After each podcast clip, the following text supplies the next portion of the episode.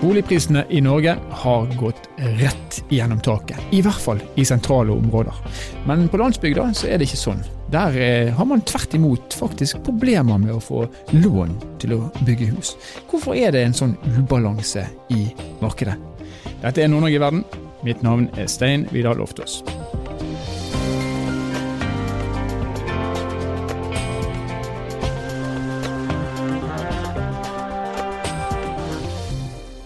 Senere i denne podkasten skal vi snakke med ordfører Rolf Laupstad fra Berlevåg kommune i Finnmark, og høre om planene for Berlevåg, og også om utfordringene for Berlevåg. For der er det nemlig slik at det er vanskelig å få finansiert bygging av nye hus.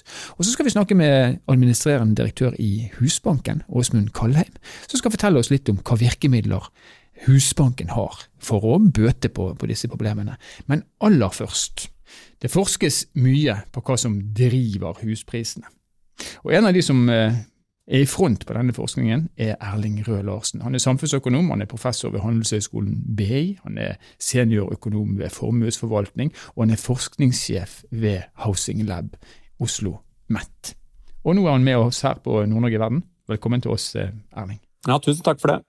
Du, Jeg må bare spørre først. Housing Lab, hva er det for noe? Ja, Dette er et ganske nytt forskningssenter som eh, vi har fått opprettet nå de siste to åra.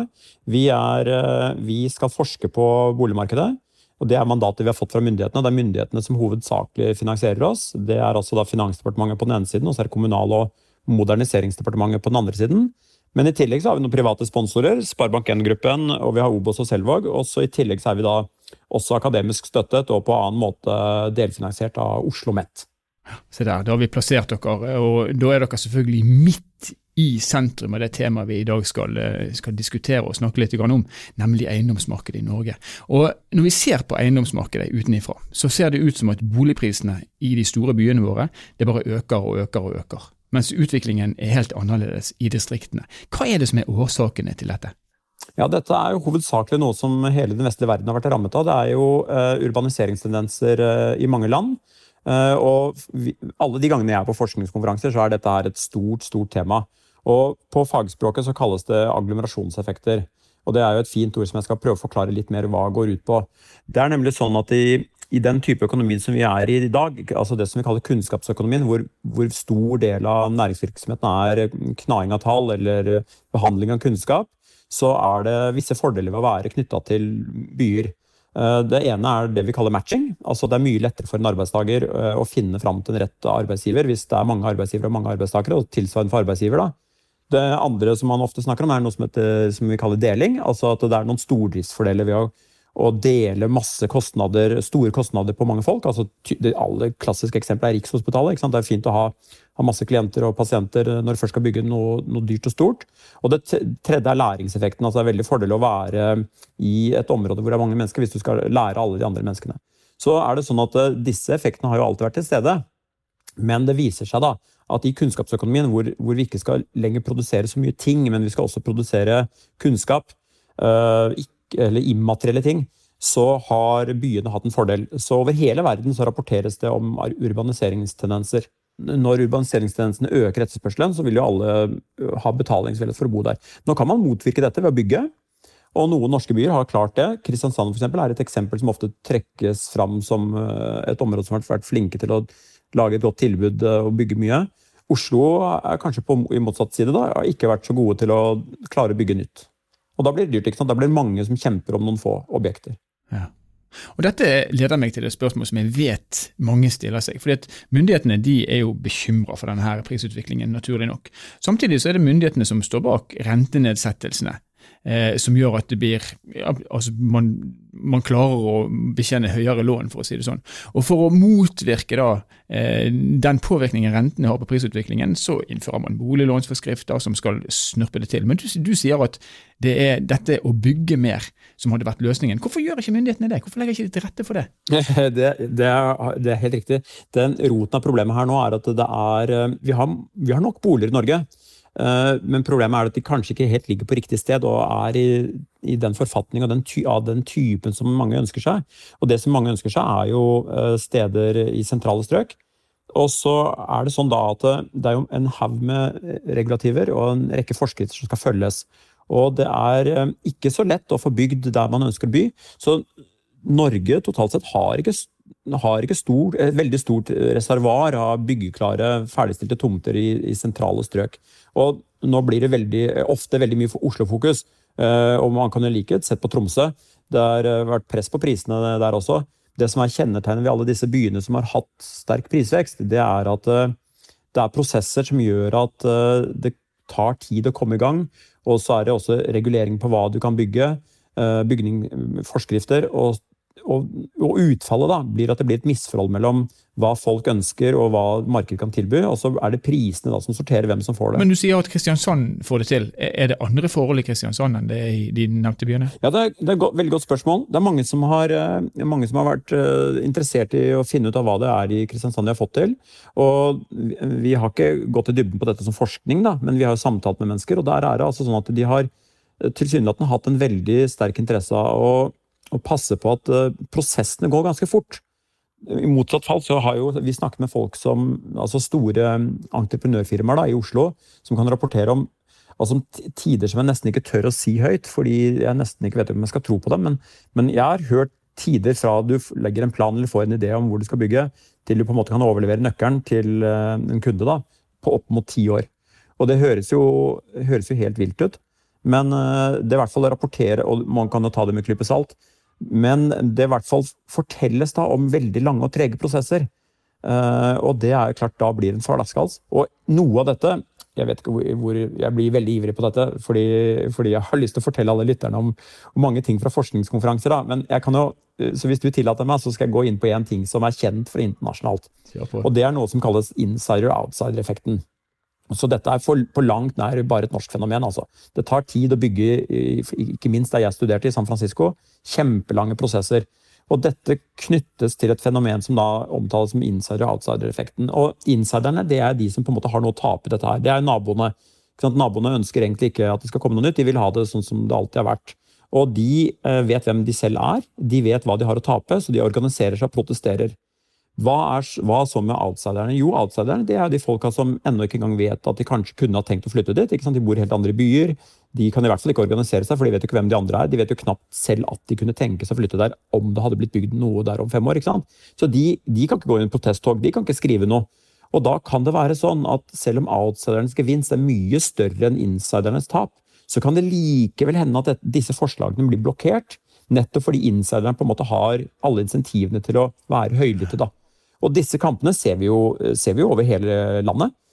Og da er det jo opp til myndighetene på en måte å være fellesskapets eh, ivaretaker. da. Og så si at hør nå her, nå er det fordel for landet å ha det sånn og sånn.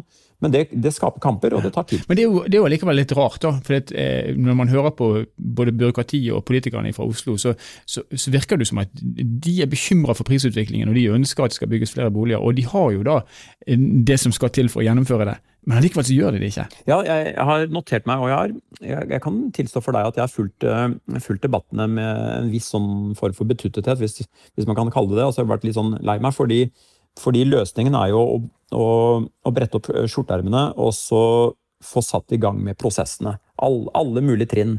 Uh, og Likevel så kan du høre folk om, som kan drømme om mange fantasifulle løsninger. Det har vært snakk om sant, mange varianter av hvordan du skal eie og leie de boligene som er der. Men det løser jo ikke problemet om at det du trenger, er nye boliger.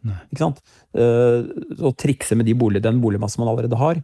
Og så er, er, det da en rekke mennesker som ønsker å samle seg for å protestere. og og det er fint, det, og det er en fin form for demokrati. Det vi bare må passe på, er at vi, vi kan ikke alle være ikke være for framskritt enn mot endring.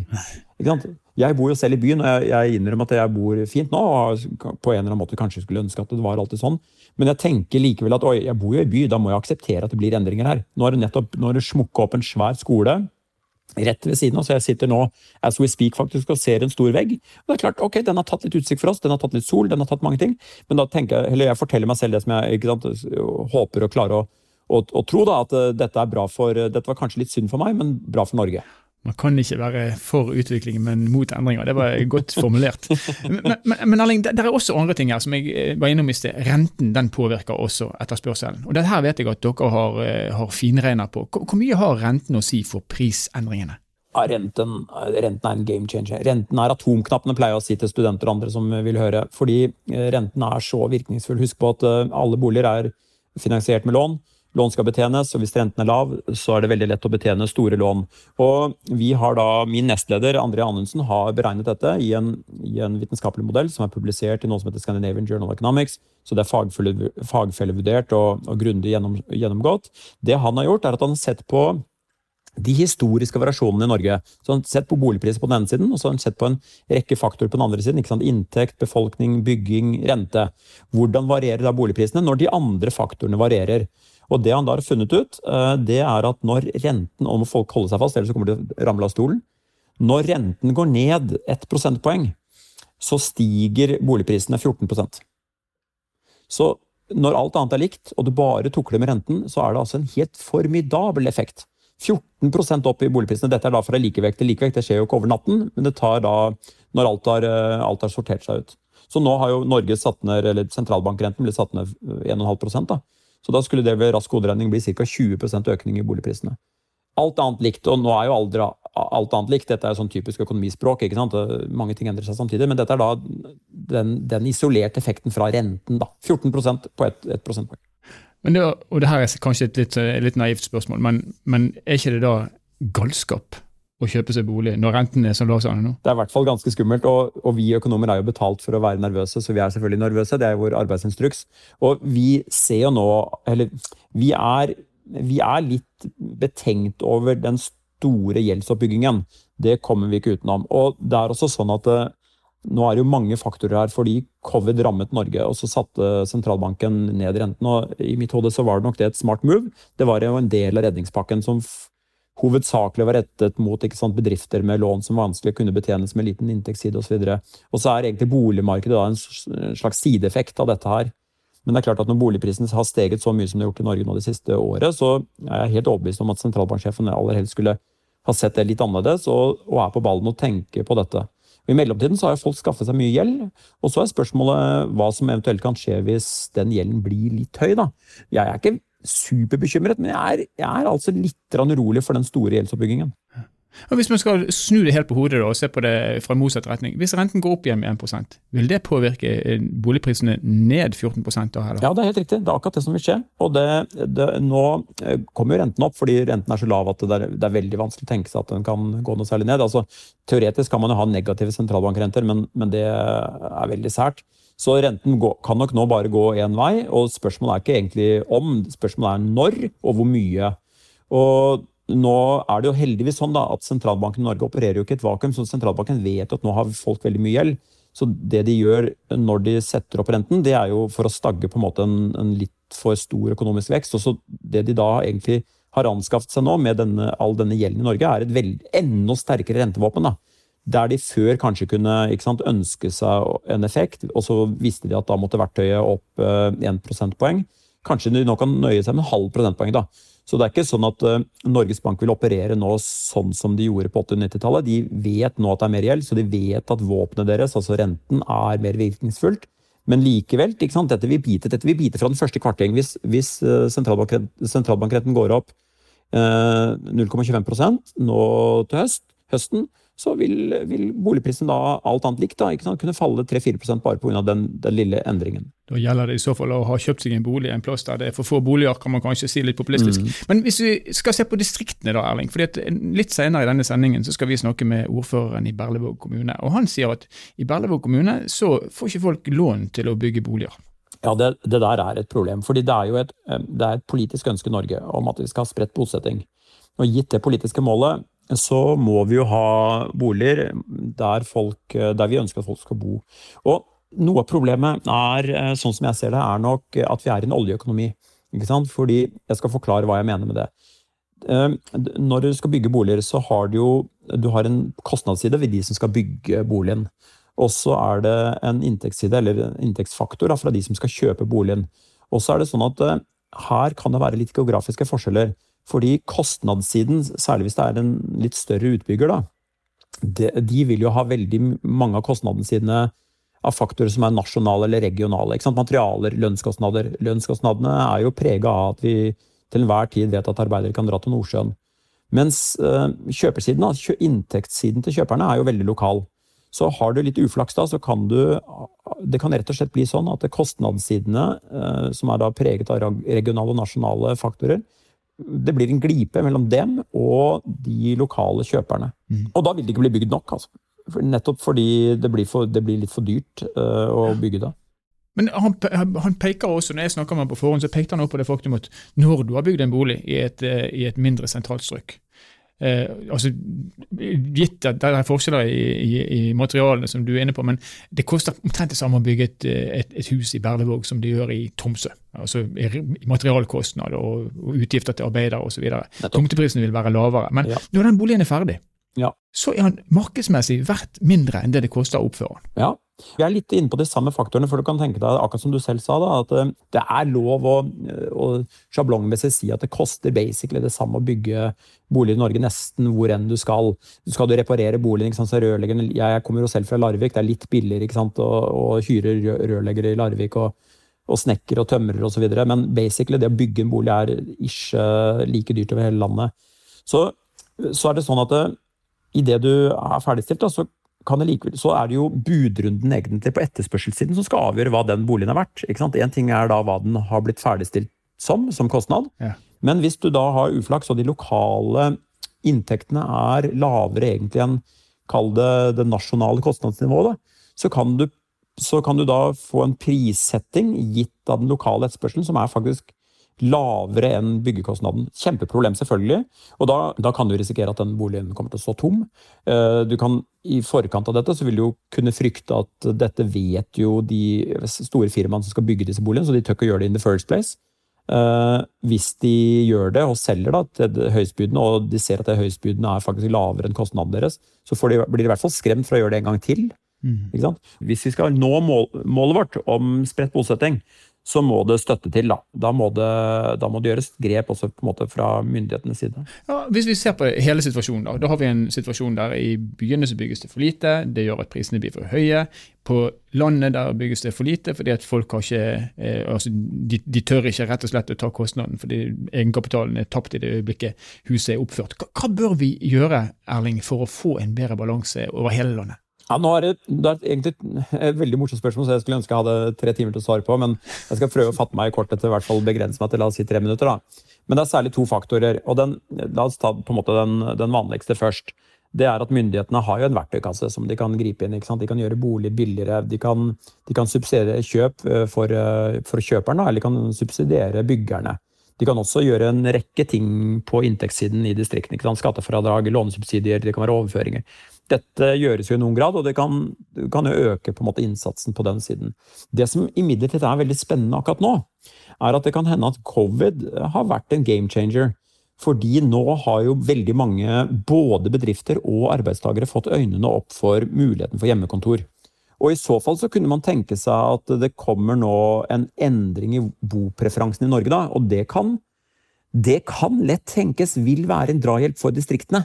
For det er veldig mange flotte steder som da, som da blir ettertraktet ikke sant, av folk med ganske høye inntekter. Sånn at du, du, opprettholder på en måte du opprettholder en interesse. Og når du først får noen som da har kjøpt, så vil jo det medføre et ønske om servicetilbud og gjøre det mulig for å trekke andre med seg.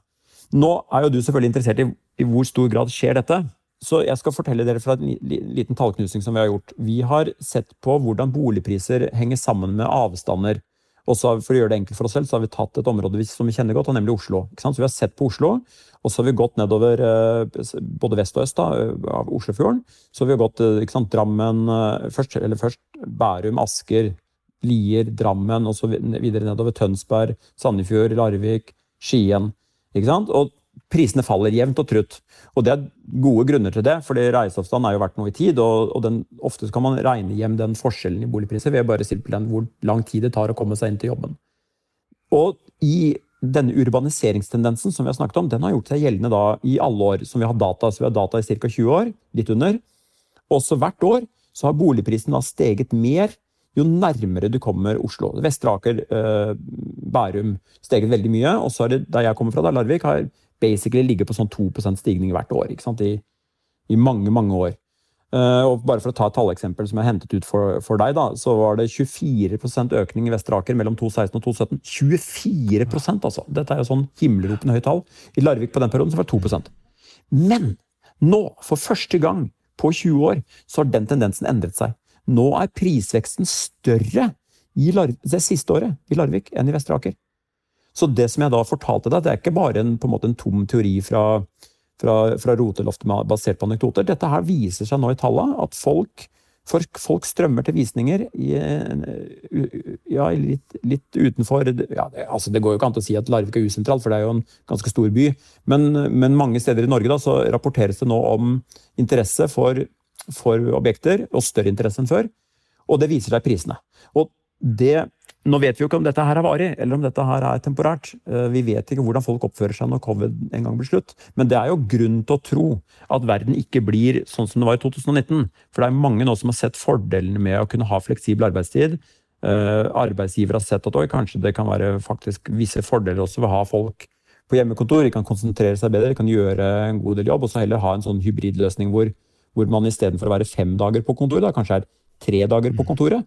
Og da blir det jo plutselig mer interessant over det ganske land å bo litt annerledes til. Så da, da har vi flaks nå, så kan dette få både effekten av at det blir litt mindre prispress i byene, og opprettholde på en måte eh, spredt bosetting. Det blir en spennende høst. Tusen takk for at du kunne være med, være med og opplyse oss, Erling Røe Larsen, forskningssjef ved Housing Lab. Ja, tusen takk.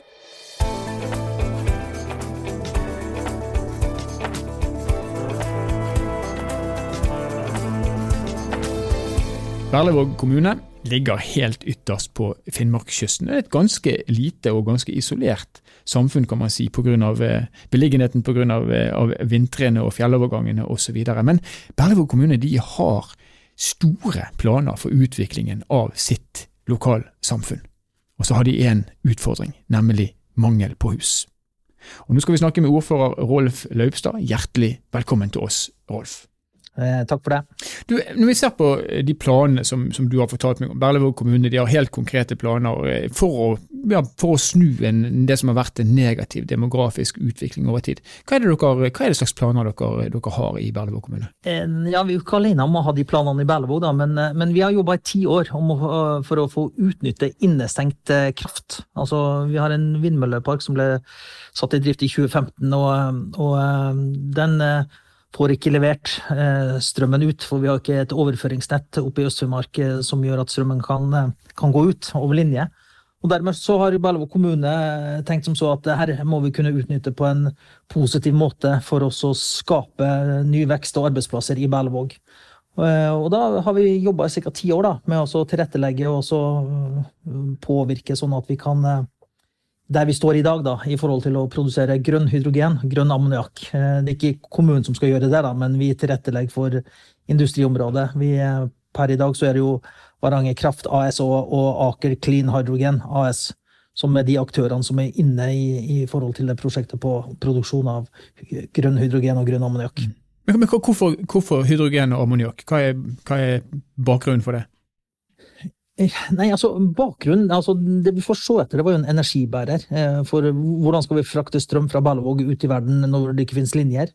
Eh, og da var det hydrogen kom inn i bildet. Og så siden har vi jobba med det. og For litt over et år siden så var det et prosjekt som heter Seeds, som består av store norske aktører og en utenlandsk, som fant ut at grønn skipsfuel, altså drivstoff til skip, Eh, det kan ammoniakk brukes til. Og, og, eh, da ble det sett på Berlevåg, som har eh, overskudd av, av, energi, for å produsere grønn ammoniakk.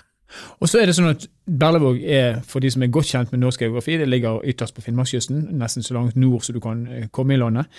Og For at dere skal kunne virkelig sette kraft bak disse planene, så må dere også ha folk, dere må ha kompetanse. Hva er det du har å tilby de menneskene som eventuelt vil vurdere å flytte til Berlevåg ellers? Altså annet enn jobb? Ja, altså, jeg kan tilby dem veldig hyggelige mennesker som bor her. Et spennende vær. Jeg kan ikke tilby dem 30 varmegrader over flere uker, men, men en spennende plass å bo på. Nei, altså, Det henger jo sammen. altså Den kommunale infrastrukturen, samfunnsplanlegging. Alt jobber jo vi med i en sammenheng. Vi har de siste årene bygd ny skole, vi har bygd nytt flerbrukshus med 25 meters svømmebasseng og tannklinikk som vi leier ut til fylkeskommunen og forskjellige ting. Så, så sånn ja, ny fotballbane har vi, har vi investert i. Så det er mange ting som eh, ligger til rette da, for at, at, familier skal kunne trives og ha muligheter i, i Berlevåg. Så, så, eh, og så har vi jo begynt å regulere boligområder. Eh, for vi må ha boliger.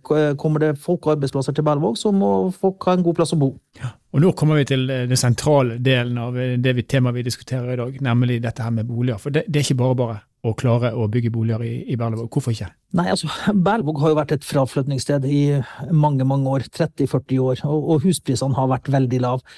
De siste årene har de jo selvfølgelig tatt seg litt opp, da, men, men, det er ikke noe Altså, du, skal du investere i ei leilighet eller bygge et, et hus i Berlevåg, så, så, vil du i utgangspunktet, når du vrir om nøkkelen, ikke sitte med den verdien som du har, har skapt, for å si det sånn, eh, på grunn av markedet. Vi, vi er i utkantstrøk, det vil vi være uansett. men men vi, vi, snakker om kanskje mye arbeidsplasser i Berlevåg, og, og, det er klart at uh, vi er avhengig av å ha ordentlige boforhold til de som kommer oppover. Vi er, som du sier, vi ligger ytterst på Varangerhalvøya. Uh, vi er sikkert en av de kommunene som har, har godt og hardt vintervær uh, tre, fire, fem måneder i året. Mm. Så da må bosituasjonen være ordentlig. Men verdiskapningspotensialet det er altså helt udiskutabelt. Men hele greien kan altså strande på at dere ikke får bygd nok boliger. Hva, hva tenker du vi bør gjøre? Hva, hva må gjøres for for å, få dette på plass? Nei, altså, altså det, det, må gjøres noen eh, grep i, i, fra våre folkevalgte politikere på, på Stortinget. Altså det, det, må jo tilrettelegges. fordi at Eh, vi, vi, ser jo at det finnes ordninger for kommuner som, som, skal omstille seg fra noe til noe annet, altså der det ikke går så bra. Eh, men der, der du har små utkantkommuner som kanskje opplever en stor vekst, der finnes det ikke noen støtteordninger som sådan per nå. Eh, og det er klart at Den boligmassen som vi har i Berlevåg, den er jo bygd opp etter krigen, etter at Berlevåg brant. Så, så, så, og så har det vel, vel stoppa opp sannsynligvis en gang på 70-tallet, 80-tallet, i forhold til nybygg. Så, vi ser jo for oss at, at, eh, at, eh, vi trenger mye leiligheter, vi trenger mye boliger. Og har vært i kontakt med entreprenører som er veldig interessert i, i å etablere leiligheter og boliger i Berlevåg. Men eh, vi vet jo ikke hvor mange som vil hekte seg på å kjøpe leilighet eller bolig som sådan. Eh, og eventuelt om de entreprenørene, hvis de skal bygge 10-12-15-20 leiligheter, eh, økonomien i det, da, hvis det, hvis det blir vanskelig å få solgt dem. Mm. Men det, faktum er jo at det er et potensial, og dersom staten er med og bidrar til å kunne realisere boligbygging, så vil staten kunne få inntekter av det her. For, for potensialet for vekst i, i Berlevåg det er absolutt til stede. Ja, det er helt klart. Potensialet for vekst er til stede, og egentlig en, en stor vekst òg. Eh, og basert på fornybar energi. Så, så, det er liksom sånn, det er god distriktspolitikk også, i tillegg. Så, så, så det er mange sånne forhold som, som tilsier at, at eh, det her bør flere se litt på og hjelpes til. Og, og, det kan hende at Husbanken er det, det rette i, i, forhold til de her tingene. Mm. Men um, vi vet jo i dag ungdom som ønsker å kjøpe seg hus i Berlevåg, de sliter med å få lån i, i banken. og Alternativet er jo startlån via kommunen, men, mm. men det begrenser seg jo litt, det òg. Så, så eh, det, det, må skje et eller annet på, innenfor finansmiljøet der når det gjelder eh, muligheten til å ta, ta opp lån og få kjøpt seg leilighet eller bygd seg en bolig. Men Du peker på politikerne og du peker på, på de som styrer for Oslo. Men du er politiker selv. du tilhører Arbeiderpartiet, det største opposisjonspartiet. Hva, hva gjør dere? Nei, altså, vi, vi, jobber jo internt med alle de her tingene. Eh, som sagt, vi er en liten kommune, i en liten administrasjon. Så, så, vi driver jo på, Ordføreren driver på med samfunnsplanlegging han er oppe i det hele. Så, så vi, vi, snakker med aktører. Eh, vi snakker med politikere. Vi har jo våre egne folkevalgte nede på Stortinget. Eh, vi, vi, snakker med Kommunaldepartementet. Vi kjenner jo folk der. For, og, og, bringer det fram. at vi, altså vi kan komme til å havne i en veldig spesiell situasjon, der det går fra 40 år med, med fraflytting og, og, eh, ja, jeg vil ikke si depresjon, da, men negativitet, til at det snur og kan komme mye forny, altså grønne arbeidsplasser til Berlevåg, som vi jobber med. Og, det er klart, da, da, da, er det et marked her som, som også må snu. og det kan jo ta litt tid, da. Men til staten Norge, dette er utgifter til inntektservervelse. Det slår vi fast. Tusen takk for at du kunne være med oss, Rolf Laupstad, ordfører i Berleborg kommune. Alt i orden. Takk, takk.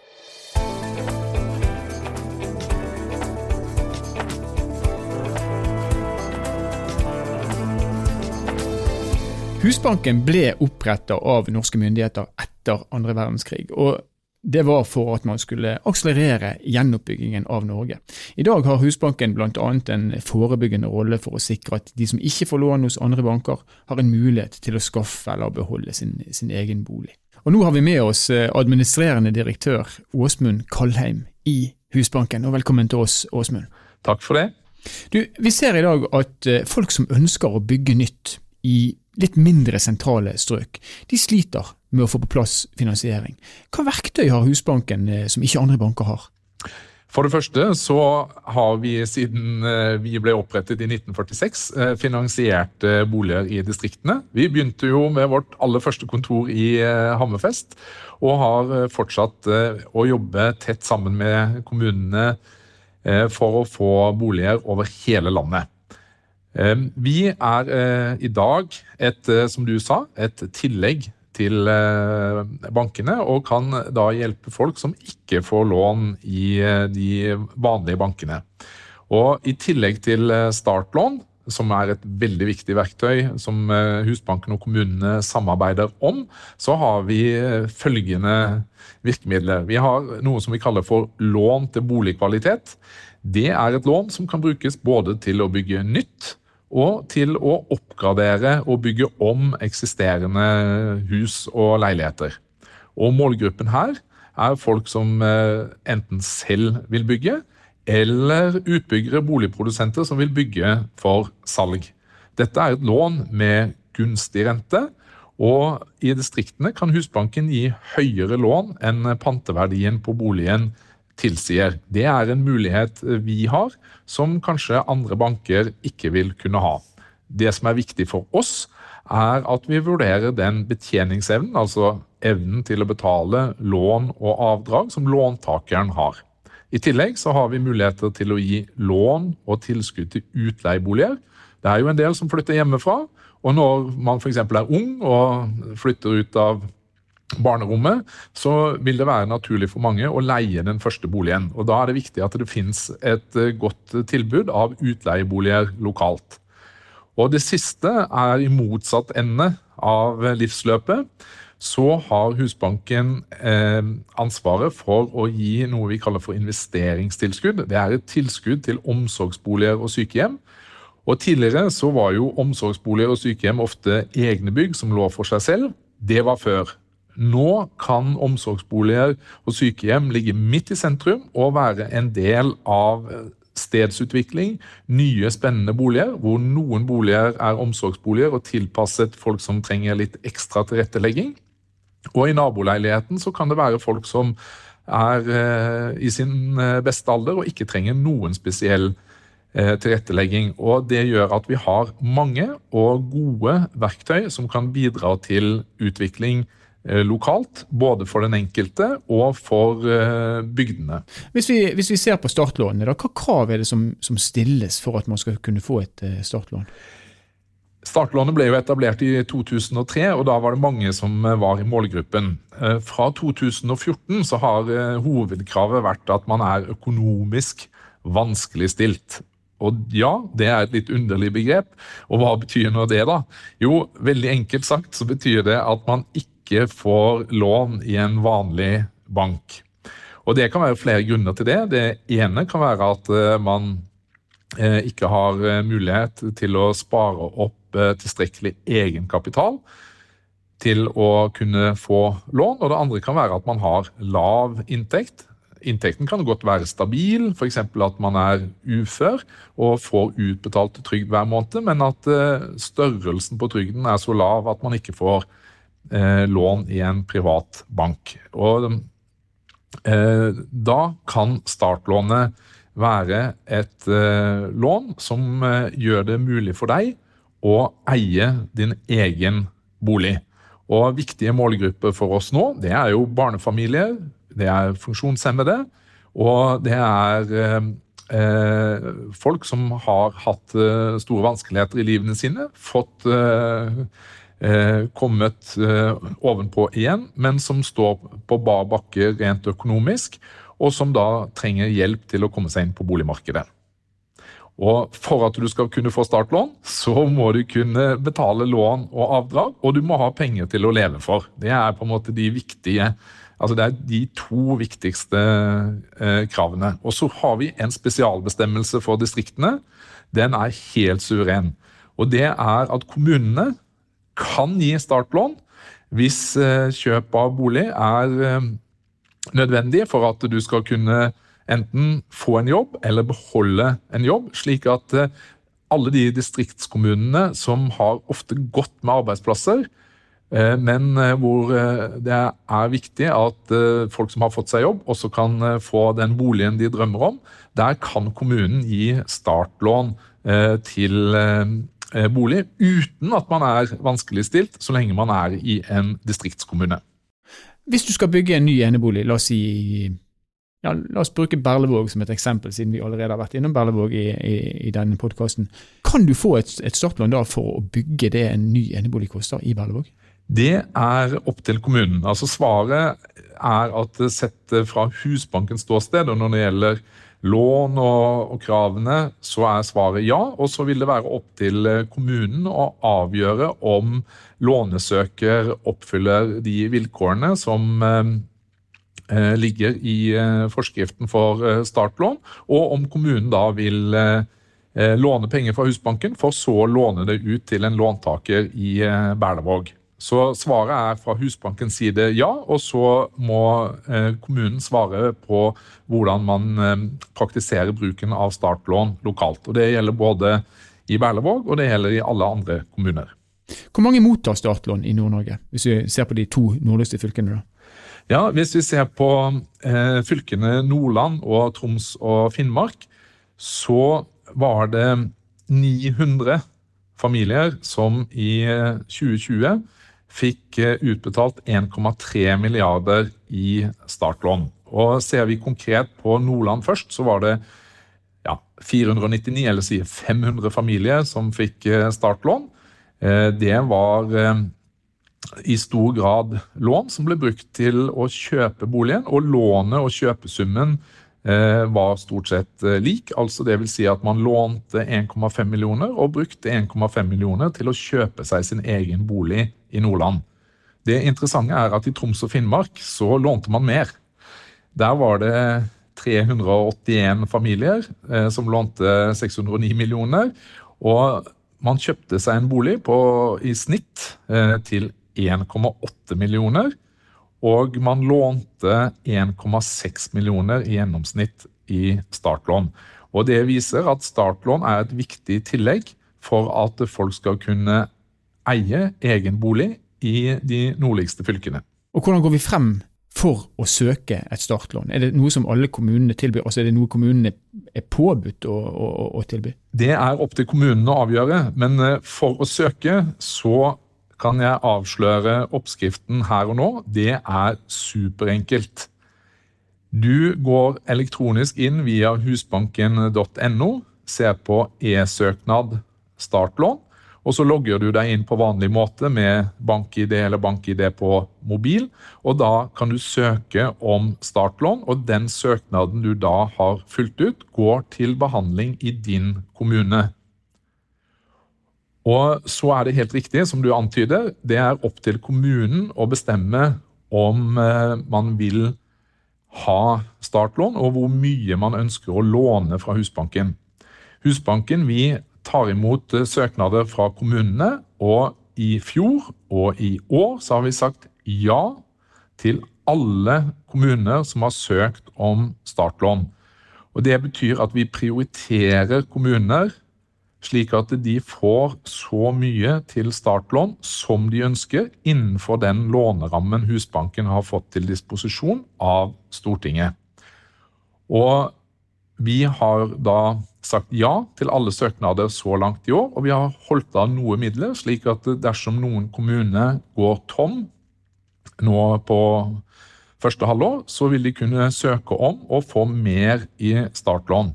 Så vi håper at det skal være tilstrekkelig med lånemidler, slik at de som oppfyller vilkårene for å få startlån, også kan få ja fra sin kommune. Tusen takk for at eh, du kunne være med oss, Åsmund Kalheim, administrerende direktør i Husbanken. Bare hyggelig. Så mens eh, prisene er i ferd med å galoppere helt ut av rekkevidden for de fleste i Oslo, i Bergen, i Trondheim, også i Tromsø, så er det altså samfunn i Norge der boligprisene er lave, og der det er mangel på hus, og der man ikke får lån til å bygge nye hus. Og så har eh, da regjering, storting og regjering de har sine virkemidler, de forsøker å regulere dette. Rentene har gått ned pga. covid, det har ført til at prisene har økt. Ganske sært å høre at 1% ned på renten gir 14% opp på boligprisen i, i Oslo. Eh, men de har også andre verktøy. De har eh, boliglånsforskriften som de prøver å bruke for å holde igjen prisutviklingen. Det er ikke verktøy nok til å skape en balanse. Nord-Norge i verden er en podkastserie som er produsert av Sparebank1 Nord-Norge i samarbeid med Helt Digital. Musikken du har eh, hørt er laga av Emil Karlsen, og mitt navn er Stein Vidar Loftaas. Vi høres igjen i neste episode.